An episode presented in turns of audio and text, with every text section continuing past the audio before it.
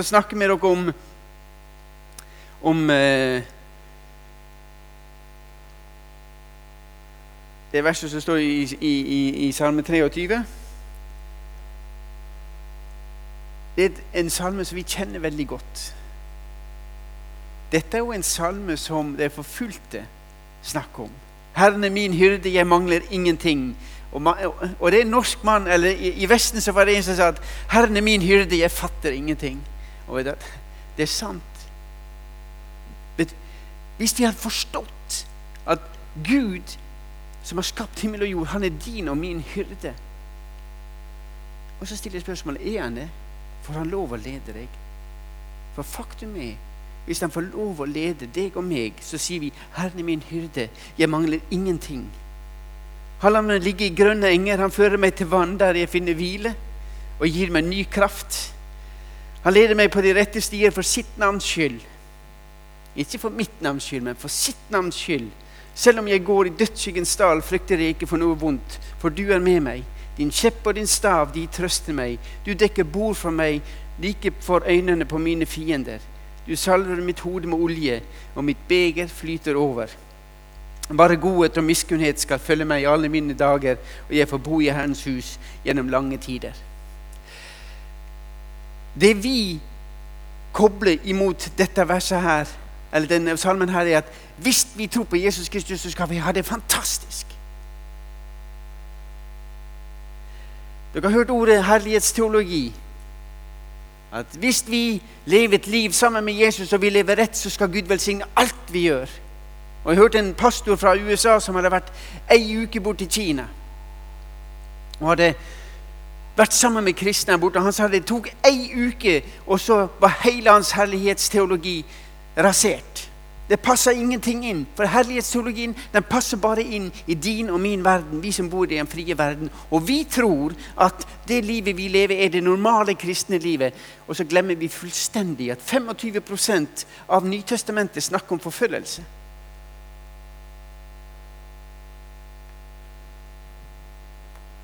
Vers 5. Du dekker bord for meg like foran øynene på mine fiender.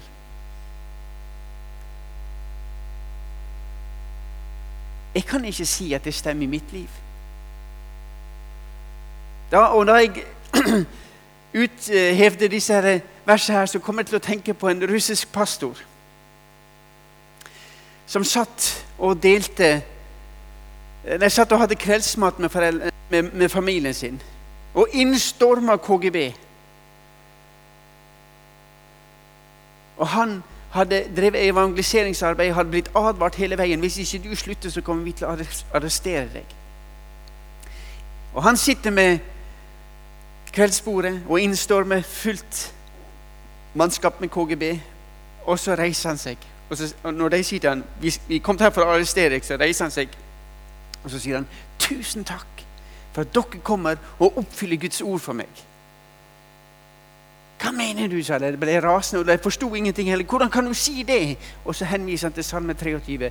Jo, for du dekker bord for meg like foran mine fienders øyne. Og dere er mine fiender, men Gud han har gitt meg, og jeg kan sitte her og spise. Og Guds ord er sannhet for meg, sa han.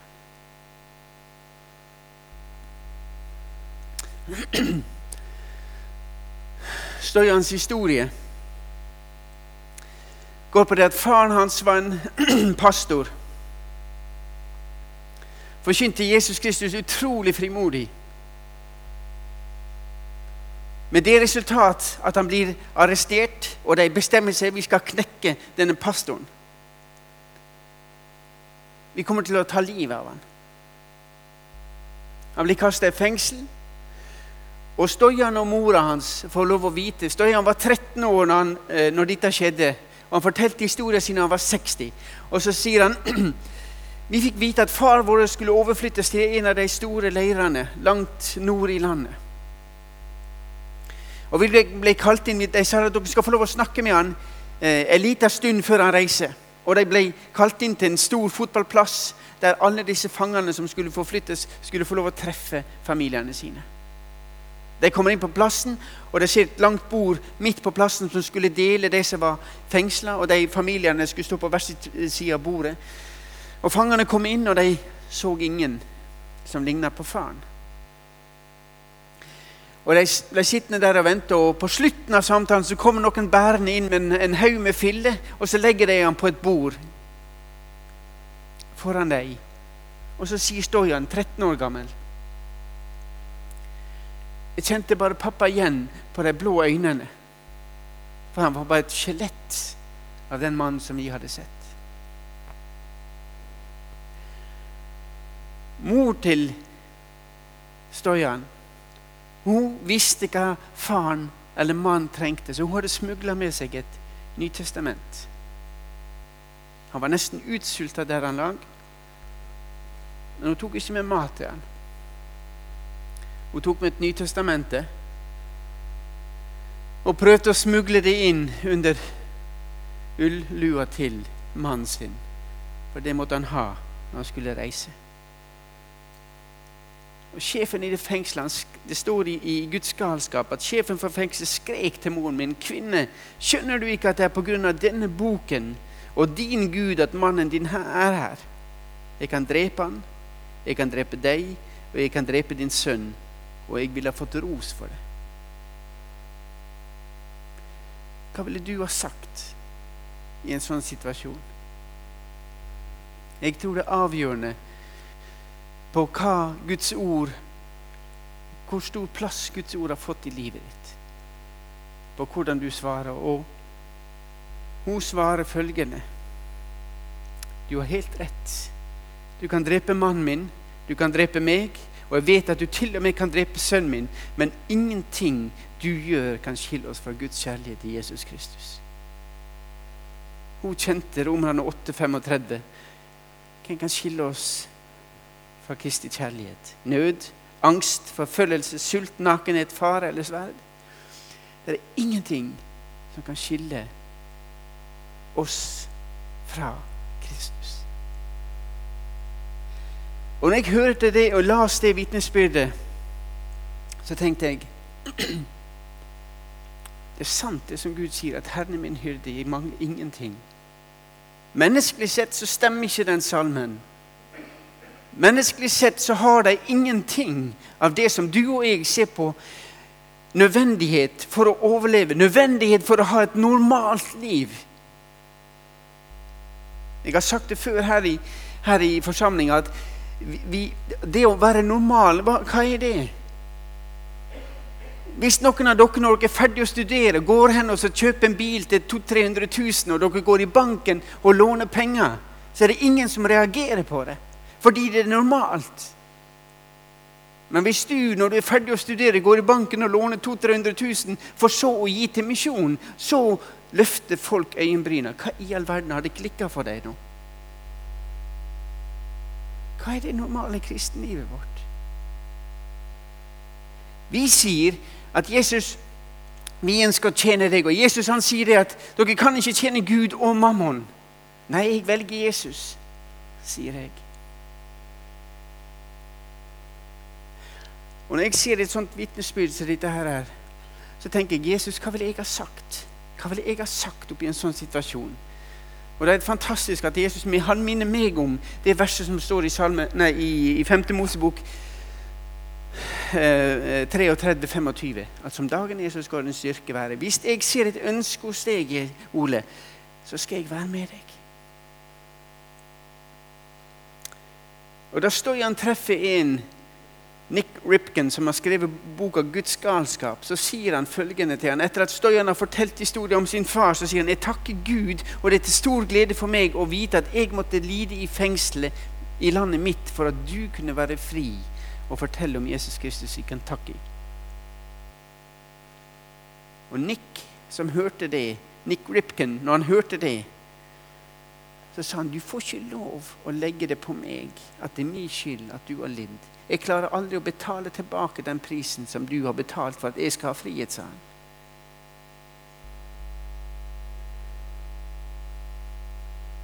Og så sier han noe som for meg er den viktigste setningen i den boka. Gi aldri avkall i frihet på det vi ikke ga avkall på under forfølgelse.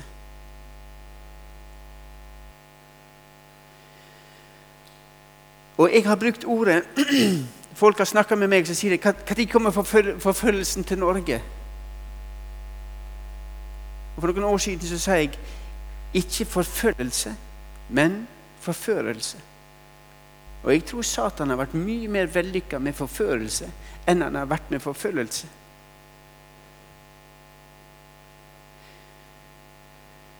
Og Satan jeg tror han ønsker å la den kirke, kirka i Vesten få lov å sove. Hvorfor skulle han vekke oss? Og jeg tror nå er tida kommet da du og jeg, vi som er del i den frie verden, vi trenger vitnesbyrdet fra de forfulgte. fordi at i dag så er ikke det de som skal vekkes opp. Det er det som er kallet vårt i Åpne dører. Våkne opp og styrk den rest som er igjen før han dør. Og det vi ser nå, at Kirka er ikke i ferd med å dø i den forfulgte verden. Kirka er i ferd med å dø i den verden som har full frihet. Og det vi ser i den frie verden, er at kristne i dag er i ferd med å gi avkall på det de forfulgte ikke ga avkall på under forfølgelsen. Det vi så i går med Viktor, som har vært gjennom det han har vært gjennom i, Nigeria Når han ser syke rundt seg, så samler han det rundt seg og så sier han, 'La oss be for dere'. Og så opplever vi at folk blir helbredet, mens vi andre, vi som lever i den, verden, i den frie verden, vi er mye mer høflige, kaller vi det. Men egentlig er vi feige. Tror vi på en levende Gud? Tror vi på en levende Gud slik at vi kan gå bort til noen som har problemer og si at du, kan jeg få lov å be til deg? For deg? Be for deg i Jesu Kristi navn. Fordi Jakob sier at hvis noen er syk blant dere, så skal han løfte dere opp. Så skal han helbrede. Og det kommer ikke an på den som ber, men det kommer an på den vi ber til. Jesus Kristus. Og han er like levende i Norge som han er i Nigeria, som han er, var i Øst-Europa. Men dere er opp til deg og meg. Og Broder Andreas eh, Trond Kjartan sa at han er en vanlig mann. Han er det. Men han er en uvanlig vanlig mann. Fordi at det er en, en mann som egentlig ikke har vært suksessfull. Jeg var på møte med broder Andreas for noen år siden. da Jeg bodde nede i Nederland. Og så, eh, På et bønnemøte med teamet vårt så begynte han å dele. Alle de gangene han har vært mislykka. Og så avslutta han hele greia og sa han, vet dere hva? Gud bruker ikke vellykka mennesker. Og det han også sier i et av bladene våre når han ble intervjua, at og fikk et spørsmål er det noe du ville gjort annerledes hvis du fikk en ny sjanse. Så sier han hvis jeg kunne gjort noe om igjen, så ville jeg vært mer radikal. Og når broder Andreas sier det, så tenker jeg oi. Jeg har inngått for mange kompromisser. Jeg har strevd for mye. Jeg har tenkt når jeg skulle handle. Jeg har gjort, mange, jeg har gjort mange feil, men det beklager jeg ikke. For den største feilen er å ikke gjøre noen ting. Det ønsker i hvert fall ikke jeg å gjøre. Så, derfor, så fordi jeg har gjort, mange, gjort, gjort, en masse, har jeg begått mange feil, men man lærer av det. Og dette med å gjøre feil, folkens, det å ikke gjøre noen ting Når Trond, Trond Kjartan sto her oppe i stad, så sier han vi ønsker at dere skal be. Og vi i Åpne dører vi tror så mye på forbønn at vi er villige til å sende dere et, et, et blad gratis dere skal ikke betale noen ting for det. For vi vet at de forbønn vil bety en forskjell for de vi ber for. Og Jeg ønsker å utfordre Jeg vet ikke hvor mange av dere som har bladet. Få se ei hånd i været. Men eh, mange av dere som mottar det lille bladet fra Åpne dører. Så flott, det. Jeg skulle ønske at dere alle sier 'Dette vil vi være med på'. Og igjen så sier jeg vi vil sende dere blad. Hvis dere vil sende dette rundt, så skal jeg slutte å tale når når det kom, det kom helt rundt. Jeg, slutter ikke å tale før alle har skrevet Nei. Men eh, igjen så tror vi så mye på at dere kan være med å be, dere kan være med å gjøre noe. Og av og til så går vi rett i fella til Satan. Han sier ah, Sett det nå ned, ta det nå litt med ro. Det betyr jo ingenting om du ber for den i Nigeria. Du kjenner deg ikke engang. Så kan vi henvise til Satan, så sier vet du hva? I, i, i første kor 12, 26 så står det om ett lem lir. Vi er søsken. Vi hører til på det samme legeme. Vi hører Jesus Kristus til. Så det er ikke sant, det du sier.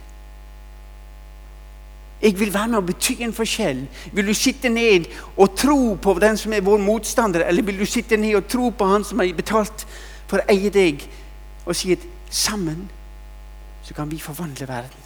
Vil du være med? Sammen med Jesus så kan du være med og være en enorm forskjell på verdensbasis. Vi vet at det å be forandrer situasjoner på verdensbasis. I Åpne dører har vi fått lov å se at hele Øst-Europa falt. Hvorfor det? Jo, fordi tusenvis av kristne over hele verden gikk sammen og ba Gud vil du innsette en ny leder i, i Kreml. I syv år ba vi og I ti år ba vi for den muslimske verden. Gud gi et sterkt Kristusvitnesbyrd i den muslimske verden fra 1991 til 2001. Og i løpet av de ti åra kom flere muslimer til tro enn de siste 1400 åra. Så dere, Gud spør oss og utfordrer oss vil dere være med å bety en forskjell. Vil dere være med å vinne verden tilbake? For denne verden som er under Satans herredømme i dag, denne verdens fyrste er Satan. Men han har ikke all makt i himmel og på jord. Det er den Gud som du og jeg tror på. Jesus Kristus. Han er den som har all makt i himmel og på jord. Vil dere være med og proklamere den makta? Og det, det er veldig rart at Gud har valgt deg og meg ut. Han sier dere er det er dere som gir ansvaret for. Gud kunne ha gjort det sjøl. Men han legger det ned på deg og meg. Og jeg tror han legger det ned på oss for å, for å vise oss at den levende Gud, den levende Gud vi ber til. Og da Den boka som, eh, som vi ikke har her ute nå, men som heter Guds galskap Da Nick Ripken begynte å høre om alle de historiene, og han reiste over hele Øst-Europa. Han reiste til Kina. Og så sier han til disse her som fortalte disse historiene Hvorfor i all verden har ikke dere skrevet ned disse historiene? Det er helt fantastiske. En av historiene er om Dimitri. Han var 17 år i fengsel fordi han var pastor. Han var ikke pastor utdanna engang. Dette begynte bare med at han hadde en liten husgruppe hjemme med sin egen familie, og så vokste det på seg. Til slutt så stod, måtte de ha vinduer åpent i huset, og de sto folk rundt hele huset og, og, og hørte på forkynnelsen. Og så ble han kasta i fengsel. Og i 17 år satt han inne i et fengsel med 1500 kriminelle. Det han gjorde hver eneste morgen når han forteller historien sin, så sier han hver eneste morgen i de 17 åra så reiste han seg opp, og så stilte han seg opp mot øst, løfta hendene, og så sang han Jesus sangen sin. Men det resultatet at alle de 1500 begynte å hive i koppene og alt på det, og de forbanna han. Hver eneste dag så gjorde han det. Og hver gang Dimitri fant en papirlapp, så, så, så hadde han et kålstykke inni fengselet, og så skrev han i alle bibelversene han kunne utenat. Han fylte den papirlappen med bibelvers og med sanger som han kunne. Og det var for han et lovprisningsoffer som han limte opp på en våt, våt uh, søyle som var i, i, i cella hans. Det, det, det lak vann og så han bare limte det på søyla. Slik at alle vokterne, når de så det, at nå hadde han igjen laga en lapp, nå hadde han igjen skrevet disse bibelversene, så fikk han renewing. Men hver gang Dimitri fant en lapp, så laga han et nytt offer til Herren og limte opp på sand. Og så var det ny omgang med juling. Og Hver eneste morgen så sang han Jesus-sangen sin. Dette foregikk i 17 år. Og En dag så kommer, kommer fangevokteren inn og sier de, nå er det slutt. Kona di er død. Ungene dine er spredd overfor alle vindene. Nå må du fornekte Jesus, så skal vi slippe deg ut, så kan du få lov å reise og samle sammen ungene dine. Det brast det for Dimitri. Så sier han dere må lage til en tilståelse. Jeg skal skrive under i morgen. Jeg må finne barna mine. Den natta så ble familien til Dimitri, kona og barna, som var begynt å bli voksne, pluss bror til Dimitri, de ble minnet om å komme sammen og be for Dimitri. Og Dimitri ligger i cella og han har bestemt seg i morgen skal jeg skrive under for å fornekte troa på Jesus fordi kona mi er død og ungene er alene. Og når de i familien ligger på kne og ber for Dimitri, så får Dimitri i cella høre deres bønn. Han hører kona si ber for Dimitri, han hører bror sin be, han hører barna sine be. Og den morgenen når han våkner opp, og de kommer med tilståelsespapirer, så sier han bare glem det. Min kone lever, mine unger lever. De har det bra, og de tror på Jesus Kristus. Hvordan vet du det? Jeg hørte det i dag, de, i natt, når de ba for meg. Og så ble det besluttet at i dag skal du henrettes. Og så blir Dimitri ført ut. Og mens han går bortover gangen, så går ryktet at Dimitri skal henrettes. Da skjer det et under i det fengselet. Plutselig så hører de Jesus-sangen begynne bort til den ene enden av fengselet. Og Før Dimitri hadde gått noen steg, så var det 1500 fanger som sto og løfta armene, og så sang de Jesus-sangen, som de hadde hørt i 17 år. Det eier disse historiene på Guds trofasthet når han ser mennesker som ønsker å holde fast på Jesus. Og så sier Nick, hvor i all verden har dere skrevet ned disse historiene her? Så sier de, min sønn, kjære Nick, når, du, når slutter du å lese Bibelen? Alle fortellingene våre står i Bibelen. Gud har allerede skrevet dem ned. Hvorfor skulle vi ta oss bryet med å skrive bøker og fortelle historiene våre når Gud allerede har fortalt oss sin? Hvis du bare leser Bibelen, vil du oppdage at historiene våre står der. Han ventet litt, så gjentok han spørsmålet. 'Min sønn, når sluttet du å lese Bibelen?' Og vet du, Det treffer meg, og det treffer oss alle sammen som bor i den frie, frie verden. Når slutta vi å la Bibelen være den viktigste boka i vårt liv? Noe av det viktigste vi kan lære av de forfulgte kristne, du og jeg, at vi er like fri til å fortelle om Jesus i dag som de er i Nigeria, Somalia, Pakistan eller i Kina, i no eller, eller, i Norge eller i noe annet demokratisk kristent land. Det handler ikke om politisk frihet, det handler ganske enkelt om lydighet. Prisen for lydighet er nok forskjellig på ulike steder, men det er alltid mulig å følge Jesus' befaling og gå ut og gjøre mennesker til disipler. Og vet du hva?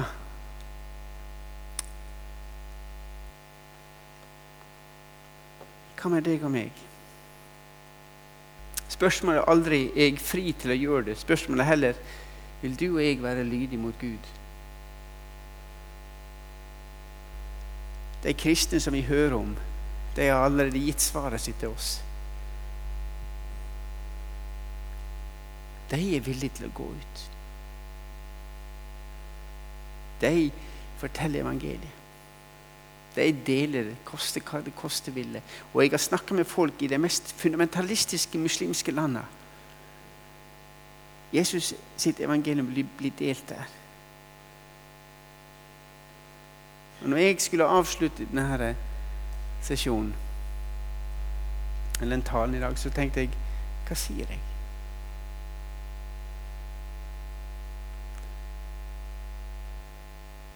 Hva med deg og meg? Vet du, Det er bare du som kan bestemme hva det skal stå på den sida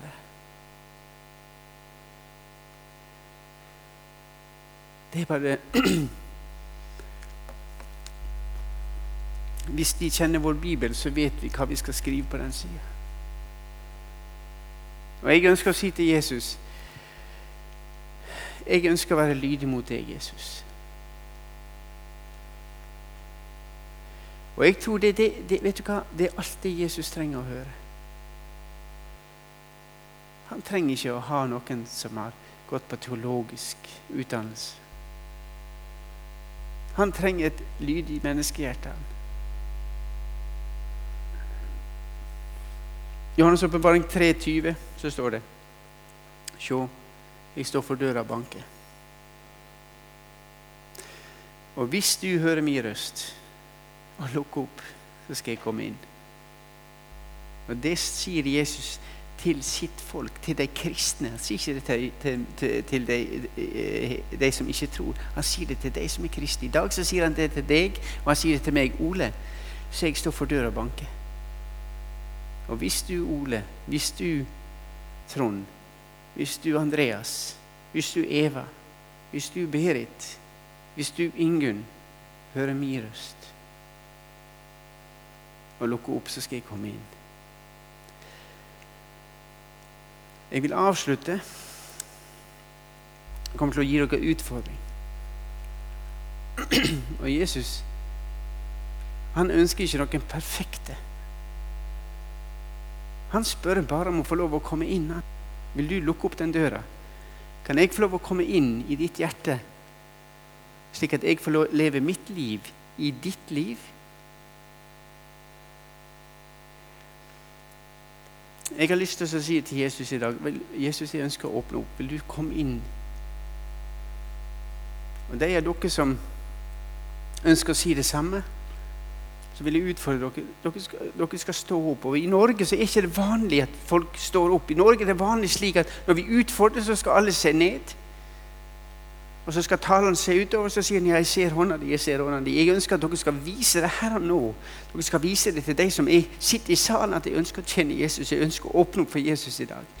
Dere skal vise det for myndighetene, for makten i himmelrommet, at jeg ønsker å stå for Jesus. Vi gjør det altfor sjeldent. Men jeg utfordrer dere i dag. Jesus han står for døra og banker. Og hvis noen av dere hører hans røst i dag, og åpne opp, så vis det at jeg ønsker å stå for Jesus. Så skal jeg be for dere. Jeg vil stå for Jesus. Jeg vil slippe han inn og la han få, få sin vilje i mitt liv.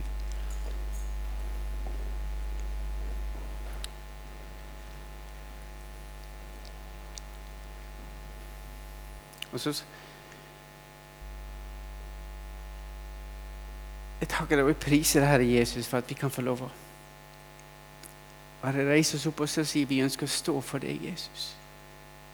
Du har sagt og du har utfordret at du står for døra og banker. Og Jesus, du ser de som har reist seg opp her nå, de ønsker å lukke opp for deg, Jesus. Takk for at du har sagt du vil komme inn. Du vil holde måltid med deg, Jesus. Og La det få lov å bli et sånt måltid at jeg må dele det med andre. Og så ber med din Hellige Ånd, Jesus. Kom du ned over, over vårt liv og la, gi oss en nød og gi oss en hunger etter å lese ditt ord. Vil du komme inn med din Hellige Ånd og fylle deg, Jesus, og gi deg en hunger til å være sammen med deg? Slik at det blir på nytt. Det blir en nyhet for deg når du åpner Bibelen at dette har ikke jeg sett før. Kom du åpenbar du ditt ord, Jesus, for deg. Slik at det blir et kilde til liv. Og takker og priser at jeg kan få lov å be for din Hellige Ånd at det skal fylle deg rikt. Og at du må minne oss om at vi hver dag må slippe deg inn i livet vårt. Må du velsigne deg, Jesus. I Jesu navn så løfter vi våre hender og sier må Gud velsigne dere. Amen.